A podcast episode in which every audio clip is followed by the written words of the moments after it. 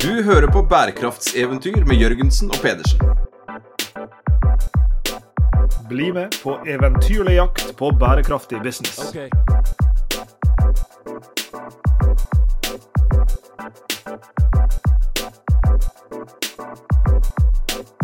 I denne episoden av Bærekraftseventyr Sveinung, så skal vi eh, snakke om sirkulærøkonomien som designproblem. Det husker jeg du sa en gang eh, da vi sto undervist eh, av alle steder på Arkitekthøgskolen i Bergen. Så sa du at sirkulærøkonomien er jo kanskje verdens største designproblem. For vi er nødt til å retenke, som det heter på et eller annet språk, og omstille økonomien vår fra en lineær utvinn, bruk og kast-økonomi til en sirkulær økonomi hvor vi bruker alle ressurser om igjen og om igjen og om igjen. Og det krever nytenking og ny design. Og det krever vel også, før vi går inn i dette, her, en litt sånn forståelse av hva design er for noe. For det er jo litt lett å tenke på altså Design tenker jeg som formgiving på et eller annet vis. Og i hvert fall på norsk så tror jeg design ofte er knytta til eh, produktene rundt oss, eh, og tjenestedesign. Men her snakker vi design bredere, ikke sant Lars Jakob? Absolutt. Og vi snakker vel om, um, om, design både i det smale og det brede, om vi skal si det på den måten.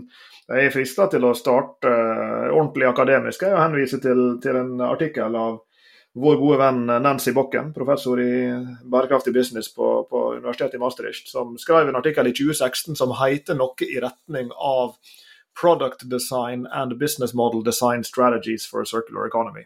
Og I den eh, artikkelen så tar det jo nettopp for seg sammenhengen mellom dette her. Eh, på den ene sida, hvordan lager vi tingene som vi omgir oss med, enten det er fysiske produkter eller det er tjenestene som er pakketert rundt alle disse fysiske tingene. Det er den ene sida av spørsmålet. Hvordan lager vi faktisk ting? Veldig sånn praktisk og enkelt og konkret. Og så kall det rundt det, da. Og hvordan designer vi forretningsmodellene som gjør at vi tjener penger på disse tingene. Eh, og dette vil jo erfarne bærekraftseventyr-lyttere kjenne igjen, for dette er jo et tema vi har snakka om mange mange ganger. F.eks. i, eh, og kanskje aller mest i tilknytning til såkalte som en tjeneste-forretningsmodeller. Lys som en tjeneste, teppe som en tjeneste. Alle disse forretningsmodellene vi har diskutert hvor produktet er fortsatt like fysisk som det alltid har vært, men det blir solgt som en tjeneste. og det gir produsenten noen andre insentiv f.eks. til å vare, eh, lage ting som varer lengre, og så kunne selge det igjen og igjen og igjen på en tilgangsbasis. Da har du et eksempel på at et produkt blir til en tjeneste. Og så ser vi da også at det er en sånn feedback loop, at veldig ofte når noen begynner å selge et produkt som en tjeneste, ja, da finner de det også formålstjenlig å redesigne produktet, slik at det kan repareres, oppgraderes. Eh, nær sagt bygges om, eh, og til slutt også resirkuleres, fordi at de da opprettholder eierskapet til produktet. Så Der er det en veldig sånn intim sammenheng mellom hvordan er produktene utforma, eh, og hvordan er forretningsmodellen utforma. Det vil jo da avhenge av om, om dette er et produkt som du skal gi fra deg til en kunde, eller om det er et produkt som du skal opprettholde eierskapet til. Da vil du kanskje tenke annerledes om hvor formålstjenlig det er at det varer lenge, f.eks. i boka vår 'Restart', Lars Jakob, så den første R-en der, den er jo redesign. Eh, og den har jo da en dobbel, eventuelt tredobbel eller firedobbel eh, betydning. Eh, ja, design, redesign av produkter, tjenester, som du gjør rede for der. Eh, og i tillegg da, apropos eh, Bokken sin artikkel, altså redesign av hele forretningsmodeller. I det øyeblikket da du går fra å selge kaffe som eh, pulver på et eh, glass, hvor du, hvor du tar litt pulver oppi bunnen av koppen og så hiver på litt uh, varmt vann og får kaffe, til å designe en, en Nespresso-maskin med disse kapslene. Uh, hvor, og, det er jo en, det er både en, en, endring av produktet, tjenesten, uh, og det er jo en endring av forretningsmodellen. Fra da å selge eh, kaffe på en måte til å selge det på en helt annen måte. Og så ser vi også rundt det, hvordan man da også lager kaffemaskiner. Man er nødt til å ha disse kapslene.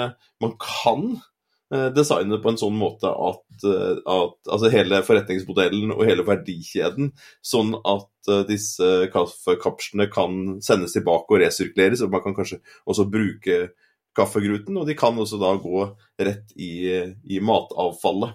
Men det er mange mange designproblemer her. Eh, noen vil jo hevde at dette er en veldig smart måte å konsumere kaffe på. Du bruker ikke mer kaffe enn akkurat i den eh, koppen. Eh, det, er, altså, det går an å resirkulere det. Andre vil si at vi hadde jo her en veldig veldig ålreit eh, modell i utgangspunktet med, med kokekaffe. Eh, hvor man da eh, tok varmt vann, tok noen bønner eh, som var, som var Kverna opp. Kvernet og, og putta den opp i kaffen.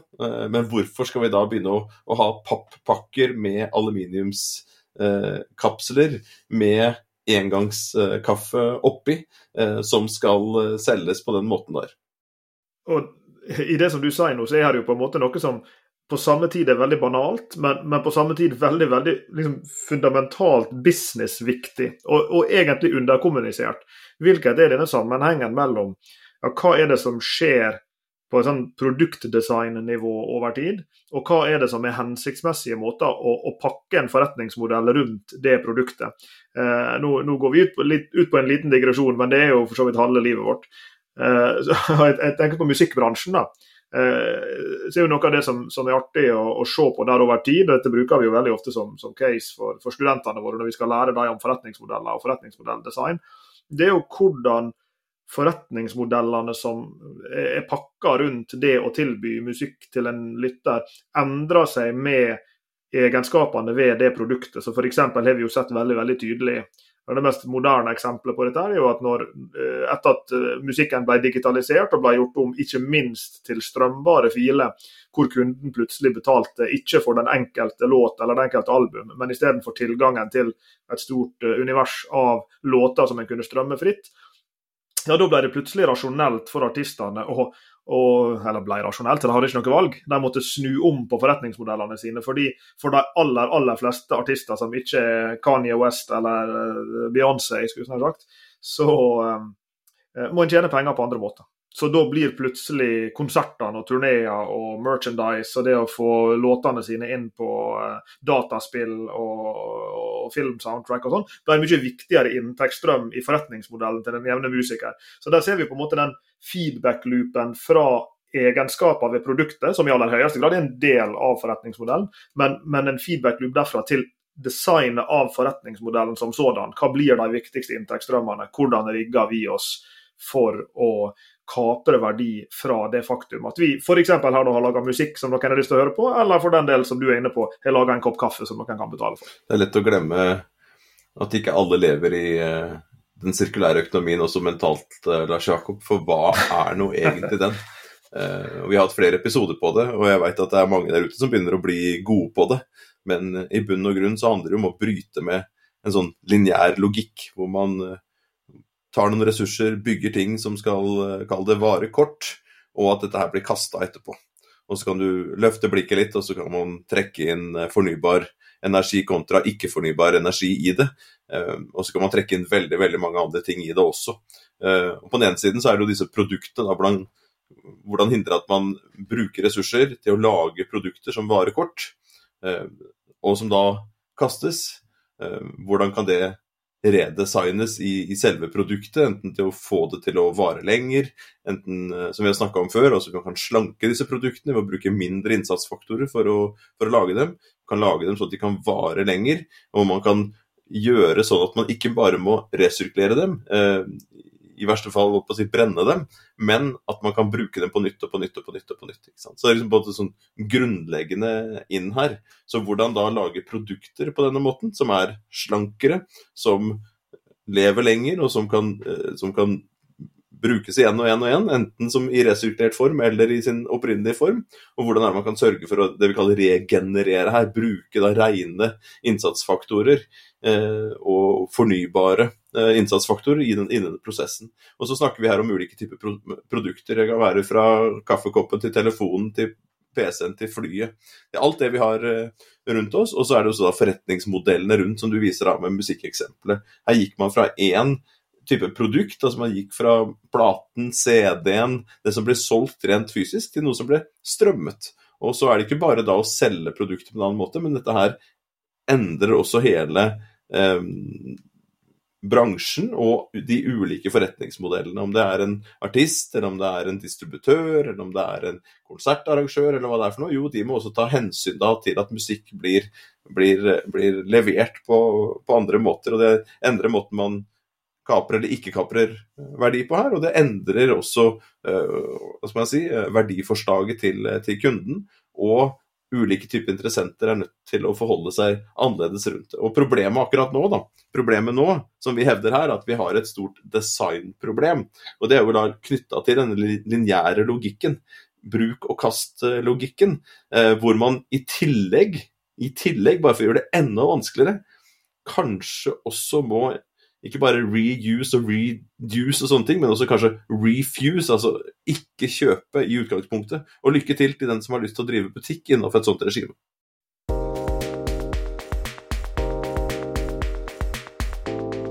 Og du satt i en uh, bil her en dag ute på den norske landsbygda, på en uh, roadtrip.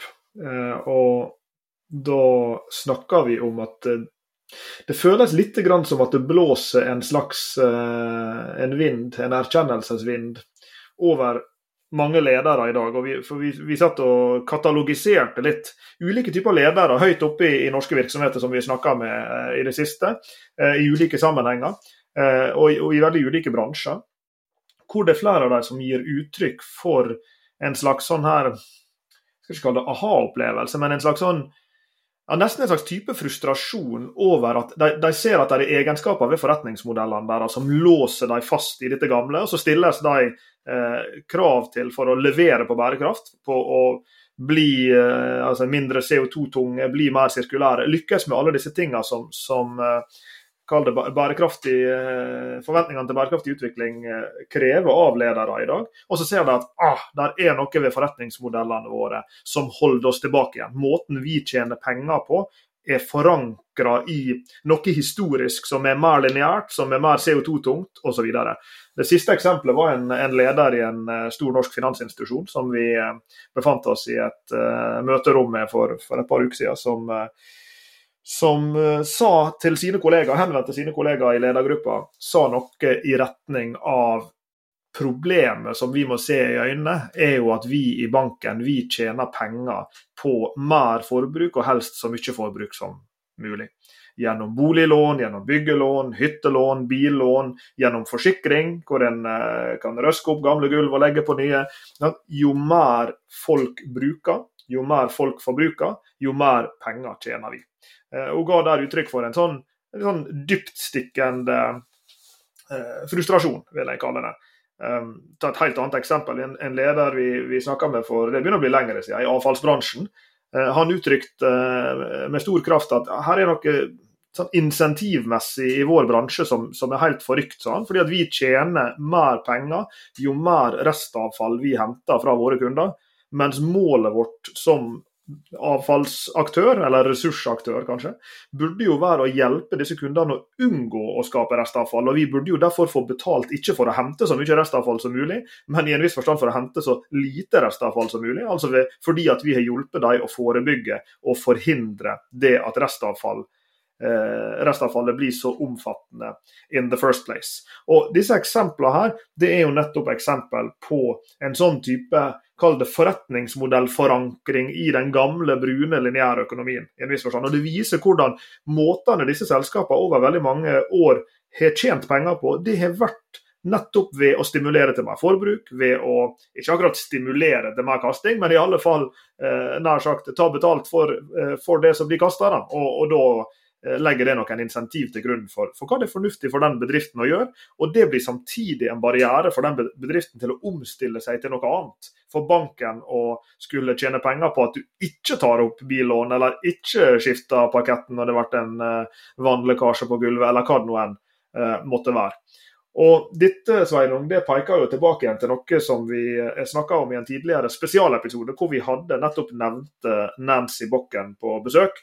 Eh, vi hadde også en egen episode hvor jeg og du snakka om dette arbeidet som hun og kollegaene har gjort på det som de kaller for unsustainable business models, altså ubærekraftige forretningsmodeller.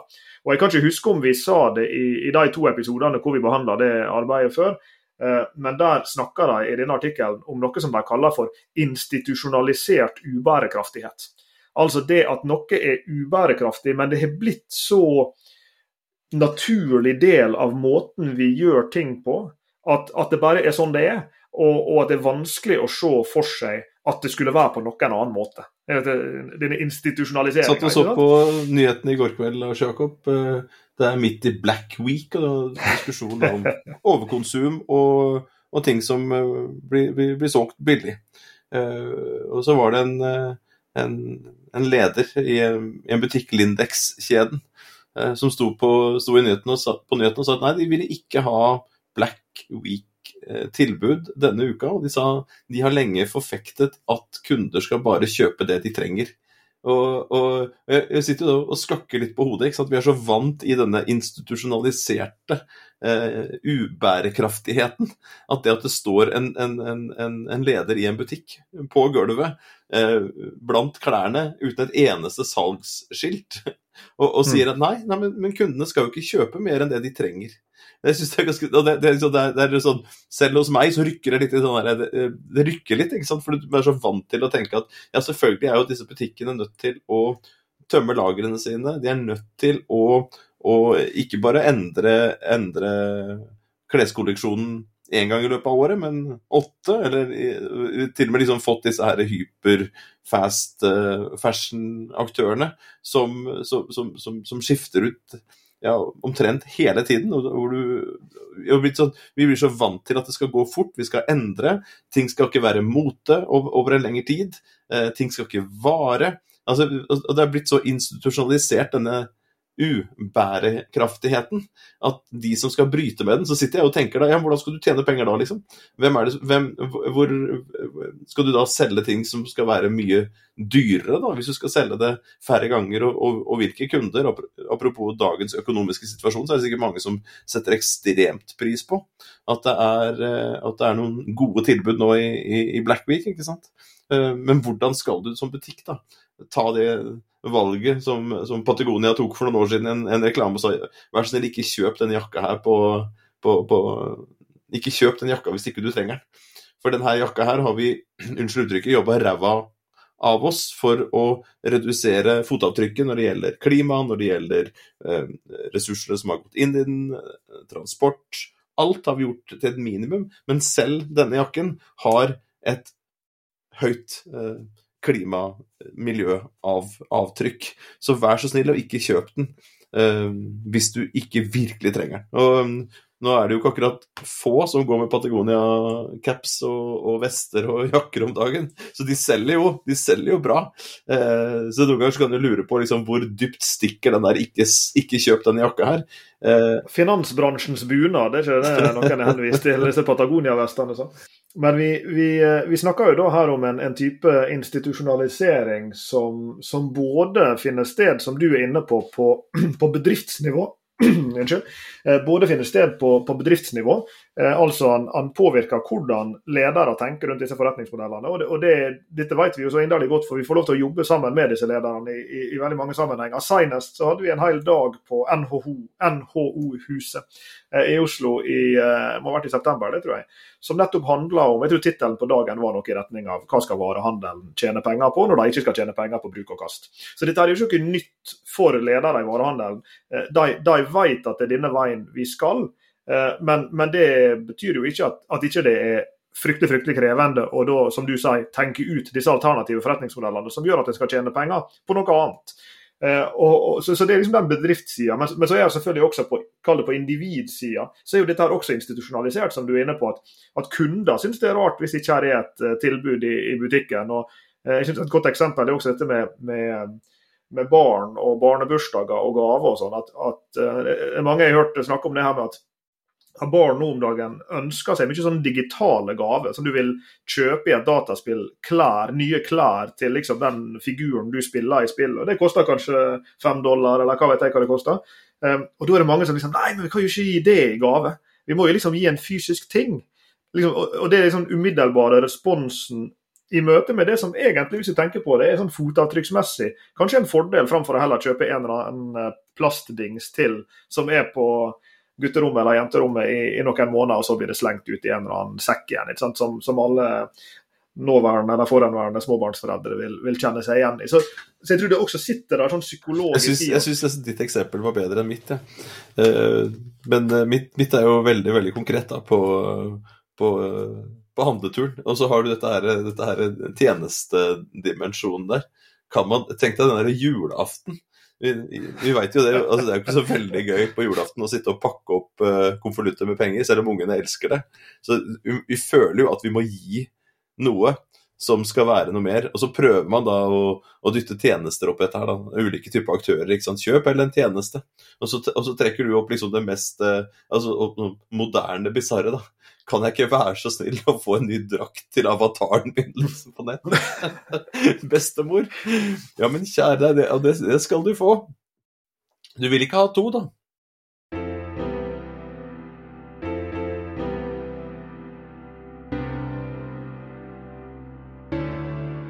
Vi står i noen interessante i en interessant brytningstid her, både fra bedriftssida og fra konsumentsida. Eh, og Det er situasjonen vi står i nå. Det er 2022. Vi kikker oss rundt, og, og, og rullebanene smelter og Pakistan flommer over. Og, og, vi står overfor et problem globalt som hele denne podkastserien handler om, så jeg trenger ikke å male det ut i noe særlig detalj. Eh, men, men vi vet hva bakteppet er. Og så er det jo nettopp i lys av, kall det endra omgivelser og endra rammebetingelser at ting ofte kan rykkes ut av en normal og inn i en ny. Og Det er jo det vi kanskje håper litt på at det skal skje, og at det ikke skal gjøre så fryktelig vondt som, som vi kanskje er redd for at det skal. Eh, og I en sånn situasjon så kan jo det være interessant å sette seg i tidsmaskinen og fly tilbake igjen til en helt annen tid. For det er klart at eh, Måtene bedrifter fungerer på, måter konsumenter fungerer på og tar beslutninger på, er selvfølgelig en funksjon av, av tiden de lever i. Eh, og jeg og du har hatt et lite artig dypdykk eh, i det siste. For vi, eh, vi, har lest en gammel artikkel fra, fra 1932 eh, som er, er, indirekte er veldig kjent, men, men overhodet ikke veldig kjent. og Jeg går ut ifra at det ikke er fryktelig mange som har sittet og nærlest den i nyere tid, men, men, det kan vi absolutt eh, anbefale folk folk å gjøre. Og, og, Denne artikkelen den er skrevet av um, en, en, mann ved, navn Bernard London. Jeg lurer på om han var byplanlegger, eller noe sånt, men det, det er ikke så, for så vidt så farlig. I alle fall så skrev han denne artikkelen som heter 'Ending the depression through planned obsolescence'. Altså å ende depresjonen gjennom planlagt foreldelse. Det er den norske termen. Planlagt foreldelse. Planned obsolescence. Eh, og Dette er jo et fenomen Sveinung, som eh, har forma livet vårt i dag, men også de 90 eh, åra nøyaktig siden London skrev denne artikkelen i 1932. Men når han skrev den, så skrev han han i lys av en uh, situasjon hvor den, den, store, stygge ulven ikke var et klimaproblem og ressursproblem og bærekraftsproblem, den store, stygge ulven var en uh, stor depresjon. Og problemet var jo at man hadde lagd ting som varte for lenge. Og derav dette planlagt foreldelse. Uh, og ja, det ble skrevet for, for 90 år siden, og som du sier, Jakob, så har dette blitt vevd inn i, i uh, ulike typer fag og ulike typer praksiser uh, over tid, så, i så stor grad at vi ikke lenger tenker på det. Det blir ikke brukt noe sånn obskurt ord som 'planned obsolescence' rundt det det, det, har vært en fornuftig måte å drive butikk på. Det har vært fornuftig. Og, og går man tilbake historisk, ja, én ting var å få komme seg ut av depresjonen og få flere i arbeid, eh, produsere flere ting.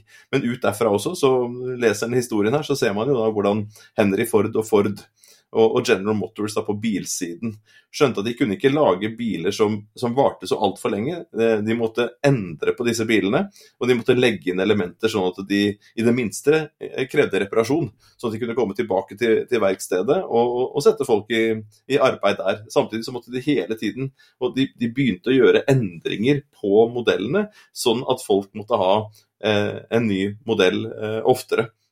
Så i, bil, i bilsammenheng så, så, varte det faktisk eh, helt fram til japanerne kom inn på det amerikanske markedet på, på, på, på 60- og, og 70-tallet. For da ble det mer konkurranse eh, om eh, For de var jo nesten aleine om å selge biler i USA. Så ble det mer konkurranse.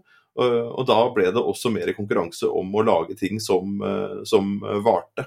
Uh, og i Europa på, på ja, slutten av 50-tallet så erta Volkswagen amerikanerne og, og, sa det nei, de tror ikke noe på dette her planned obsolescence. De. de ville ikke endre bilene sine bare for å endre bilene sine de skulle lage ting som, som, varte over tid. Så vi ser jo Her har det vært en kamp underveis også. vært en kamp underveis.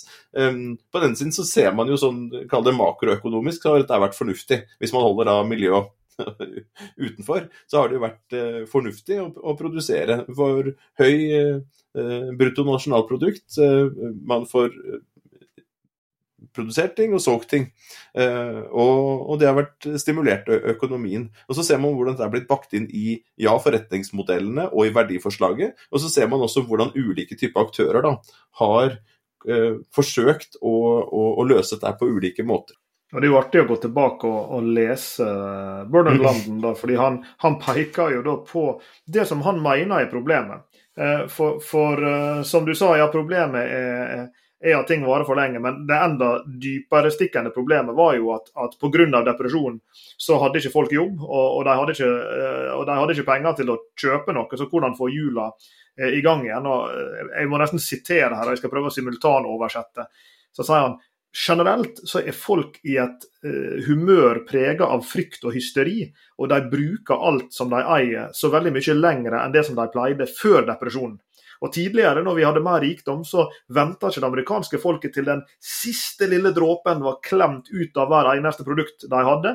De, de erstatta det istedenfor med nye. Enten det er, som det står her, 'for reasons of fashion and up to dateness', altså det å, å følge med i tiden og i det hele tatt. Eh, og Derfor så Eh, ga de, ga de opp eller gikk videre fra gamle hjem, gamle biler osv. Lenge før de var utslitt, men fordi de var og da bruker han litt ordet, obsolete, altså de var forelda. Og Der beskriver han jo da en verden hvor jo, sånn måtte det være. Og så går han til å si ja, hva er løsninga da? Jo, la oss begynne å designe ting slik at de bryter sammen. Det må jo være rimelig.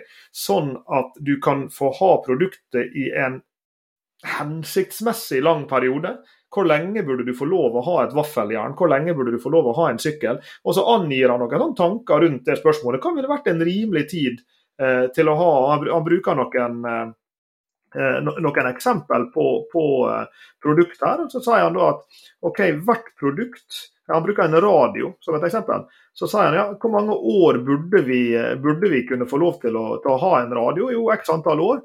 Og så foreslår han da at, at, radioen skal designes på en slik måte at han enten bryter sammen, at det er en slags sånn planlagt sammenbrudd bygd inn i produktet. Høres det kjent ut?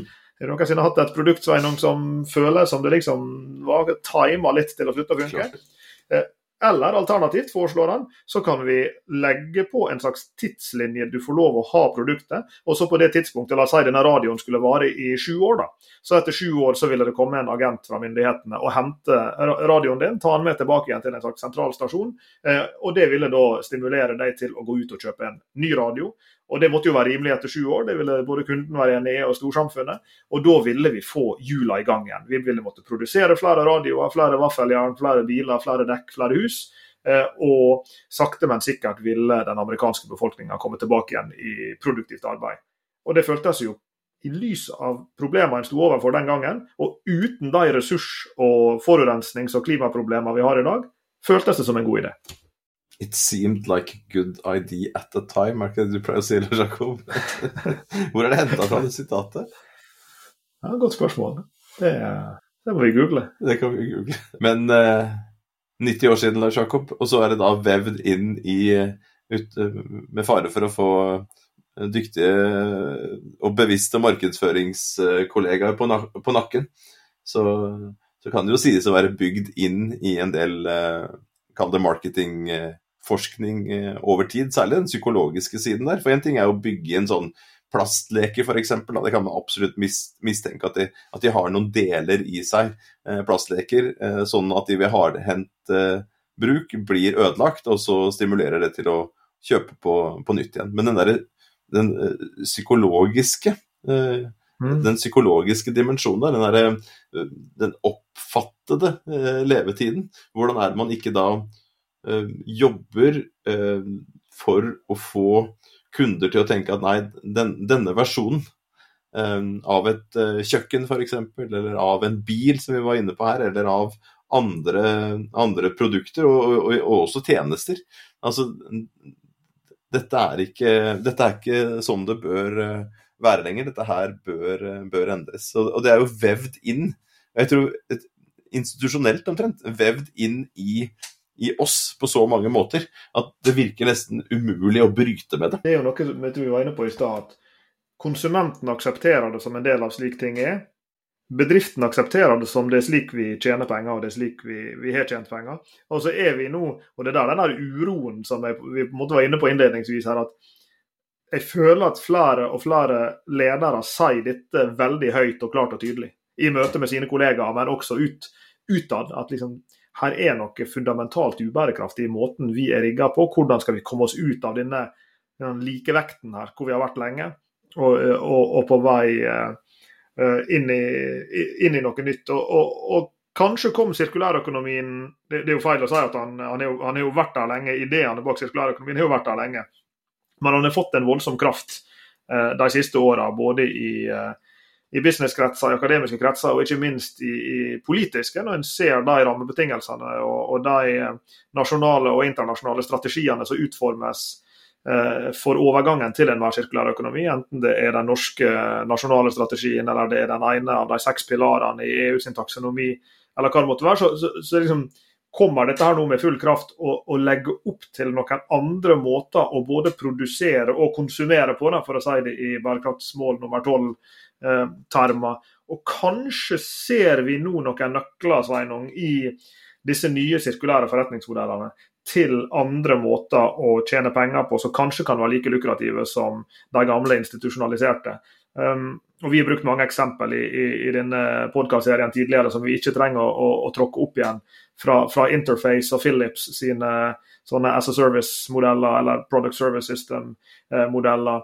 Vi ser at nå, etter EU sitt nye sånne Sustainable Products-direktiv, kommer krav om reparerbarhet for produkt. Og så ser vi da at flere og flere produkt blir reparerbare. Og så vet vi at i alle fall i noen bransjer så, så lykkes til og med bedriftene å tjene penger på disse reparasjonene. Bilbransjen er vel kanskje det mest prominente eksempelet hvor Eh, aktører i bilbransjen nå i økende grad er avhengig av nettopp inntektsstrømmene fra verkstedet, vel så mye som inntektsstrømmene fra å selge nye biler, f.eks.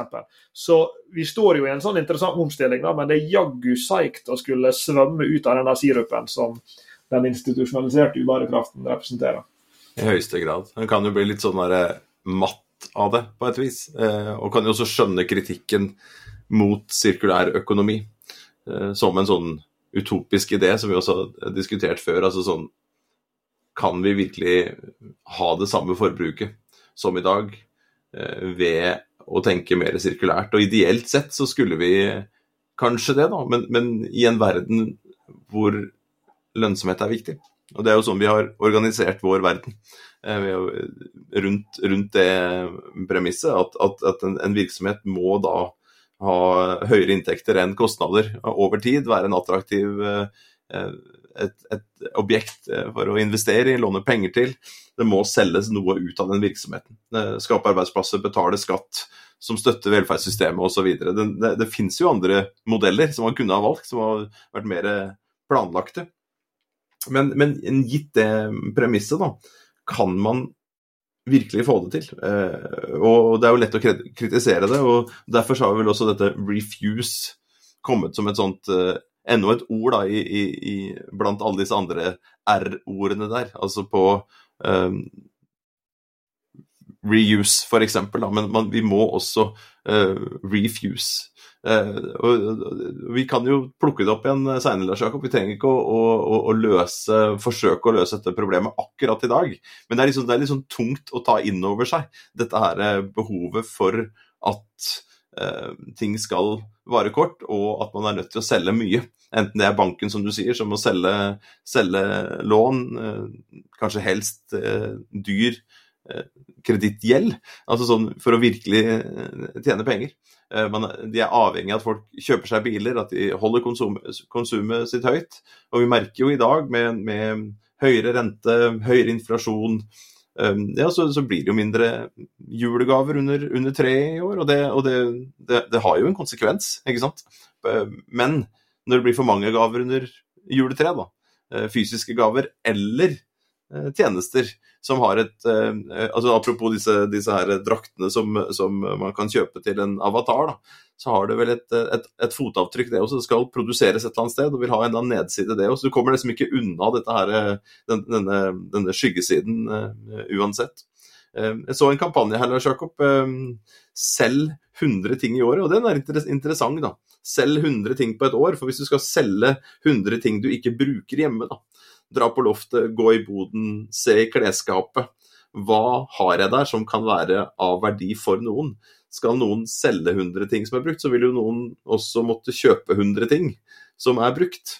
Uh, så, der ligger nok et sånt økonomisk potensial og en, og en litt sånn bevisstgjøring rundt dette her at, at vi har veldig, veldig, veldig mange ting av Eh, verdi. Eh, som, eh, som, OK, jeg bruker det ikke selv, men andre kan ha, ha, ha nytte av det. Vi trenger ikke å, å kjøpe noe som er nytt.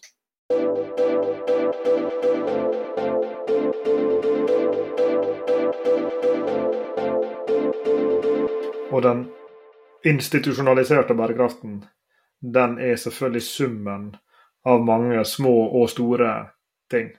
Det var ikke bare Bernard London sin 1932-tekst eh, som, som, skapte det, selv om han påvirka mange produsenter av biler og TV-er og i vår tid eh, software til og med, og, og, klær og i det hele tatt, til å designe disse tingene på en måte som bakte planlagt foreldelse inn i det. Og så var det selvfølgelig veldig mange andre ting som også skapte den institusjonaliserte ubærekraftigheten. Og optimisten i meg da, tenker kanskje at nå i en helt annen tid, 90 år seinere, så er det veldig mange små og store ting som til sammen dytter oss ut av den der likevekten. Og selv om ikke det blir institusjonalisert bærekraftighet over natta, så tror jeg i alle fall at vi ser nå at alle disse forsøkene som du er inne på, til å eh, selge secondhand produkt gjennom eh, dertil egna plattformer, å produsere produkt som er reparerbare. Enten en gjør det fordi at eh, det blir pålagt og, og regulert slik, eller en gjør det fordi en, eh, en ser at kunder etterspør det. Og sørge for å kunne som du sier, lage ting av færre innsatsfaktorer. Lage dem slik at de varer lengre, enten det er en eh, Rolex eller det er en sykkel som er reparerbar. Og også lage alt regenerativt på en slik måte at ressursstrømmene kan brukes igjen inn i nye produkt, sånn at vi får da eh, gjenbrukt, eh, i det minste på, på ressursnivå, det som vi allerede har produsert inn i nye produkt. Vi får håpe at, at summen her av, av, alle disse tingene er i ferd med å liksom vippe oss ut av den der likevekten som vi kaller for institusjonalisert ubærekraftighet, og, og litt grann i retning av noe mer sirkulært. Det er det vi må designe oss til, og den design den skal vel skje veldig distribuert, veldig fragmentert, veldig kollektivt. Det er vi alle sammen som, dytta i den retninga. Enten vi gjør det ved å ikke kjøpe denne jakka, eller vi gjør det ved å kjøpe den julegava til nevøen vår som er en digital dress, eller på en eller annen måte. Du har hørt på Bærekraftseventyr med Jørgensen og Pedersen. Send e-post til eventyr.krøllalfa.jorgensenpedersen.no for å stille spørsmål eller komme med forslag til tema for fremtidige episoder. Og besøk jorgensenpedersen.no for mer informasjon om denne podkastserien. Okay. Derfra kan du også fortsette samtalen med oss i sosiale medier på Twitter, Facebook, LinkedIn, YouTube og andre steder.